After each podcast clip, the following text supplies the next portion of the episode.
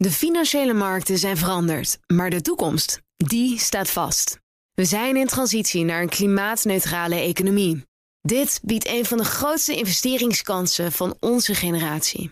Een kans voor u om mee te groeien met de klimaatoplossingen van morgen.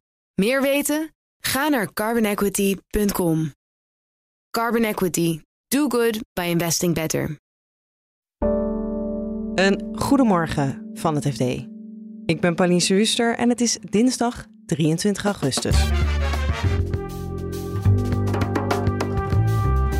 De piloten van KLM zeggen dat loonoffer dat we hebben gemaakt is weer teruggedraaid en we zijn van de overheid af. Het zal je niet verbazen als je de vorige podcasts over de KLM hebt gevolgd, dat de overheid er toch iets anders naar kijkt. De Kamer debatteert vandaag over de uitspraken van Wopke Hoekstra dat de stikstofdoelen voor hem toch niet zo heilig zijn. Uh, ja, dat, dat, dat is niet goed gevallen. En Ajax-beleggers vinden het een goede deal als Manchester United hun speler koopt voor 100 miljoen euro. Ja, die Anthony is voor ons heel veel waard en die kan uh, de club heel veel mooie doelpunten uh, geven, maar niet zoveel dat hij 100 miljoen waard is. Dit is de dagkoers van het FD. Pilotenvakbond VNV is blij met het principeakkoord dat is gesloten over het loon bij KLM. Het offer dat ze maakten om coronasteun te krijgen is afscheid van genomen. Zo beschrijven ze dat in ieder geval zelf in een bericht aan hun leden, vertelt verslaggever Pieter Kouwenberg. Het is een lang verhaal, maar kort en goed, ze kraaien victorie. Ze zeggen, we zijn eindelijk af van het dictaat van de overheid. We kunnen weer onze eigen arbeidsvoorwaarden bepalen. En we krijgen eigenlijk de salaris, het loonoffer wat we twee jaar geleden hebben gedaan bij de redding, hebben we weer terug. We zijn bevrijd van die overheid. Ja, hoe ziet die overheid dat zelf? Nou, het zal je niet verbazen als je de vorige podcasts over de KLM hebt gevolgd, dat de overheid er toch iets anders naar kijkt. Want de overheid zegt, joh, uh, we hebben in 2020 hebben we bij die miljarden steun die we hebben toegezet, hebben we afgesproken dat er uh, eh, 15% van de van de kosten moet worden verlaagd en dat de sterkste schouders, lees de piloten, uh, het grootste offer brengen. Dus de, de piloten, mensen die drie keer modaal verdienen, die moesten 20% inleveren. En uh, dat wordt ook echt strikt gehandhaafd. Er was de, de steunoperatie ging in 2020 bijna niet door, omdat de pilotenvakbond dwarslag. En toen heeft Hoekstra, de toenmalige minister van Financiën, gedreigd. Nou, dan krijg je het geld niet. Zijn ze door de pomp gedaan. Nu zeggen ze, we zijn verlost van die overheid. En de overheid zegt, nou, dat valt nog te bezien. Ja, want hoe zit dat dan? Want ze proberen wel snel af te bouwen, leningen, et cetera, die, die staatssteun. Uh, heeft de overheid dan straks ook nog iets te zeggen daarover? Of mag KLM dan zelf dat CAO wel afsluiten zo? Uh, dat is een beetje ingewikkeld. Um, wat de overheid heeft gedaan is, zeg maar, een soort arrangement maken dat ze tot een bepaald bedrag tot 2026 kunnen lenen van de banken en de overheid garandeert dat. Ja. Ze hebben daar een stukje van gepakt. Dat hebben ze allemaal alweer terugbetaald. Maar dat arrangement, dat hebben ze niet opgezegd. Dus dat loopt nog steeds door. Dus mocht de KLM weer in zwaar weer komen, dan kunnen ze weer zeggen: hé, hey, we hebben dat contract toch? We kunnen weer lenen. Ja. En zolang dat arrangement loopt, gelden die voorwaarden van dat loonoffer gelden ook. Dus wat er nu gaat gebeuren is dat um, de staatsagent, dat is de controleur van de overheid, die kijkt, doet de KLM netjes wat we hebben afgesproken, die, die gaat dat CAO uh, akkoord bekijken.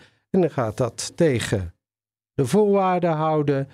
En die schrijft dan eind oktober een rapport aan de minister, minister Kaag van Financiën.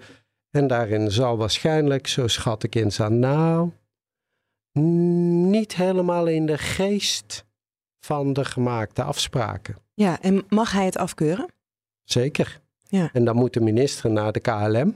En dan moet, moet zij tegen de KLM direct zeggen: spijt me zeer, ik snap dat u klem zit, maar dit is niet wat we hebben afgesproken. Ja, en je hebt ook de staatsagenten al even gesproken. Kon die iets zeggen over uh, hoe hij erover denkt, over dat CAO? Nee, hij gaf geen krimp. Hij nam uh, op en uh, hij zei: Ik heb iets in de krant gelezen over een CAO-akkoord. Ik heb het pakket nog niet in huis. als ik het in huis heb, zal ik er naar kijken. Het enige wat ik je wel kan zeggen is: als de vakbond zegt dat ze verlost zijn van het overheidsdictaat, dan hebben ze het mis. Dus ik zal het tegen die voorwaarden aan bekijken. Kunnen we dan zeggen dat de victorie die werd gekraaid door de pilotenvakbond misschien iets te vroeg was? Uh, dat zou mijn conclusie wel zijn, ja. En dan gaan we naar Den Haag, waar vandaag een spoeddebat is over het interview van Wopke Hoekstra in het AD, waar hij zei dat de stikstofdoelen toch niet zo heilig zijn. Martine Wolzak was vrijdag bij de uitloop van de ministerraad. Dan komen ze allemaal naar buiten en dan heb je een koortje bij Algemene Zaken. En daar staan alle journalisten dan te wachten. Nou, we stonden natuurlijk te wachten op, op Koekstra en op Christiane van der Wal. En op een gegeven moment komt Hugo de Jonge, kwam ook naar buiten, die nu minister van Wonen is. En aan eh, hem werd gevraagd: En was het een beetje gezellig? En hij liep heel snel door. En hij trok zo'n gezicht van met een gebaar van. Ik denk dat dat al heel veelzeggend was. Uh, um, dus dat, dat, dat de spanning hoog is opgelopen, is wel duidelijk. En dat de andere partijen ook de timing van het interview. Op de, de eerste vrijdag uh, na het zomerreces, dat je als ministerraad voor het eerst weer met elkaar officieel bijeen bent. Uh, terwijl een week daarvoor de coalitie fractievoorzitters nog met elkaar gesproken hadden. Nou, dat was natuurlijk het ideale forum geweest om bijvoorbeeld je wensen op tafel te leggen. Dat je daarmee je coalitiepartners overvalt. Het, het wordt gewoon gezien als niet netjes. En het is natuurlijk staatsrechtelijk ook een vraagstuk of dit kan. Want je hebt eenheid van kabinetsbeleid. Het kabinet spreekt in principe met één mond. Ja. Dus dat een minister van Buitenlandse Zaken een interview geeft in de krant over stikstof of koopkracht, waar hij het ook over had, is op zich al bijzonder. Ja. Maar als je dat doet, dan verdedig je in principe het kabinetsbeleid. En dan ga je er niet van afwijken. Ja. En dat heeft hij toch wel gedaan. Al proberen ze dat dus nu weer een beetje recht te breien. Door te zeggen van nou, maar het CDA heeft niet gevraagd om het coalitieakkoord open te breken. En ook uh, Hoekstra zelf zegt, ja, het gaat om je moet het, het is niet heilig op bepaalde plekken. En ik vind het wel heel belangrijk dat het doel wel gehaald wordt. En we moeten proberen 2030 te halen. En op heel veel plaatsen gaat dat ook lukken en gaan we dat ook doen. Maar op bepaalde plekken waar het niet lukt, nou daar moet je dan een beetje ruimte hebben. Jij hebt natuurlijk ook geen glazen bol, maar je hebt wel wat uh, rondgebeld. Heb je al een idee hoe boos men gaat zijn eh, vandaag tijdens dat debat? Nou, ik denk dat de coalitiepartners gaan proberen de boel dicht te houden, zoals dat dan in Haagse termen heet. Uh, en uh, de, de bezweringsformule die premier Rutte vorige week vrijdag eigenlijk al gelanceerd heeft. We wachten op Johan Remkes en wat die gaat adviseren. Uh, dat, dat iedereen zich daarachter zal gaan scharen. Ik ben wel benieuwd wat Hoekstra gaat zeggen als hem gevraagd wordt: uh, ja, 2030, uh, staat hij nou straks in de wet? over de stikstofaanpak? Of komt daar een ander jaartel in? En dat hebben we hem vrijdag als journalisten echt herhaaldelijk gevraagd. En toen zei hij alleen maar van ja, en ik heb heel precies gezegd wat ik vind. Maar op die vraag hebben we geen antwoord gekregen. En ja, de oppositie zal natuurlijk proberen hier enorm op te gaan frikken. Ik denk dat die een nummer maken van het stikstofbeleid, maar ook zeker van de koopkrachtaanpak. Vorige week vrijdag zijn ook die koopkrachtcijfers gekomen koopkrachtdaling gemiddeld in Nederland van 7%. Ja, dat zijn ongekend dramatische cijfers. Uh, en ik denk dat de oppositie vooral ook daar heel erg op zal gaan hameren. En zal gaan zeggen dat het kabinet nu heel snel met extra maatregelen moet komen om uh, mensen te helpen. Als we het dan hebben over die uh, koopkracht, dan zit iedereen ook te wachten op Prinsjesdag, op de nieuwe begroting. Eigenlijk zou deze week de, het kabinet, de coalitiepartijen zich daarop moeten richten. Eh, komt dat nu ook in de knel met zo'n extra debat? Nou, het helpt niet. De agenda's zijn helemaal leeggeveegd. Er zouden allemaal uh, overleggen zijn op de dag van het spoeddebat over die begroting. Een onderraad, zoals dat dan heet, met de ministers. Een coalitieoverleg. Ja, dat gaat vandaag allemaal niet meer door. Want ja, uh, iedereen, alle belangrijke bewindslieden, alle vicepremiers en de premier ja, die moeten in de Kamer zijn. En de fractievoorzitters gaan daar ook zijn om het debat te voeren. Uh, dus het, het levert in ieder geval een dagvertraging op. Het kost natuurlijk ook tijd om zo'n debat voor te bereiden. Nou, het zou dan wel eens een latertje kunnen worden. Zijn mensen misschien iets minder fris op woensdag. Aan de andere kant, dit begrotingsproces, dat gaat gewoon door. En er is een keiharde deadline. Volgende week moeten de stukken naar de Raad van State. En dan moeten ze er gewoon uit zijn. En tot slot Ajax. Manchester United heeft interesse in hun sterspeler Anthony.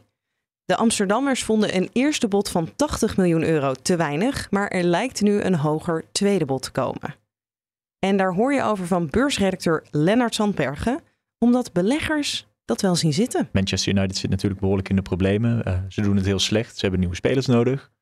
Uh, maar Ajax die uh, hadden al gezegd, ook tegen de spelersgroep, van, ja, we houden iedereen gewoon hier en dit is de selectie waar we het mee gaan doen in principe. Ja, dus 80 miljoen was niet genoeg. hoeveel verwachten we nu dat er voor hem betaald wordt? Ja, volgens de geruchten gaat het nu om liefst 100 miljoen. Dat is wel echt een enorm bedrag. Dat zou ook voor Ajax een dik record zijn natuurlijk. En hoe reageert het aandeel Ajax zo? Het aandeel uh, ging gisteren een paar procent omhoog. En uh, vrijdag ging er ook al 5% bij. Uh, en je zag ook heel erg in de koersgrafiek. Zo vrijdagmiddag kwam dat gerucht een beetje naar buiten. Dat Manchester zoveel zou willen betalen. en ook dat Anthony niet bij de training was. Toen ging het vanaf dat moment hard omhoog met die koers. En nou ja, dus je ziet daaraan heel duidelijk dat dit hetgene is waar uh, die Ajax-beleggers flink op reageren. Ja, en waarom worden ze daar zo enthousiast van? Is dan gewoon, er komt misschien 100 miljoen binnen, fijn? Kijk, als aandeelhouder heb je altijd een bepaald idee van wat uh, de bezittingen van een bedrijf waard zijn. En of dat nou een onderdeel is in een bepaald land, of in het geval van een voetbalclub, een speler. En dus ook wat die speler of dat onderdeel op kan leveren. En nu, uh, ja, voor die beleggers, die zijn daar eigenlijk heel duidelijk. Die zeggen van ja, die Anthony is voor ons heel veel waard. En die kan uh, de club heel veel mooie doelpunten uh, geven. Maar niet zoveel dat hij 100 miljoen waard is. Als we kijken naar Manchester United, hoe staat dat aandeel ervoor? Ja, nou ja, je zou natuurlijk zeggen dat een club die het zo slecht doet als Manchester United, uh, dat het dan ook met het aandeel heel slecht gaat. Want dat betekent gewoon als je, uh, ja, als je niet wint, op een gegeven moment gaan je supporters komen niet meer naar het stadion. Uh, je speelt sowieso dan geen Champions League, wat natuurlijk heel veel geld oplevert. Ja, dan houdt het op een gegeven moment een keer op. Maar het aandeel gaat eigenlijk heel erg goed. De afgelopen maanden is er zelfs 20% bijgekomen. Maar dat ligt niet per se aan de prestaties van Manchester United. Dat ligt veel meer aan andere dingen. Er spelen overnamegeruchten rond de club. Uh, het zou zo zijn dat de Glazer-familie, die uh, een groot deel van de aandelen bezit, dat die daarvan af wil. Ja. Ja, er gaan dus ook geruchten dat uh, Jim Radcliffe, dat is de eigenaar van Ineos, een groot chemiebedrijf, het wil overnemen. Nou, die heeft ook al de voetbalclub uit Nice en de wielerclub, de wielerploeg Ineos moet ik zeggen. Die zou het ook wel willen overnemen. Dus daarmee hebben beleggers toch het gevoel van, nou, dan zijn we in ieder geval van die nogal impopulaire familie af. Uh, dan komt er weer wat nieuw geld bij en dan uh, misschien uh, kopen ze alle aandelen op. En dan is dat mooi voor ons. Ja, maar de mogelijke transfer van een Ajax-speler, dat doet voor het aandeel Manchester United dus niet zoveel. Nee.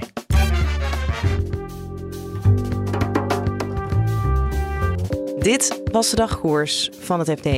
Morgen zijn we er weer. Wil je automatisch dan de nieuwste aflevering in je podcast-app? Abonneer je dan even op Dagkoers, waar je dan ook podcast luistert. Voor nu een hele fijne dag en graag tot morgen.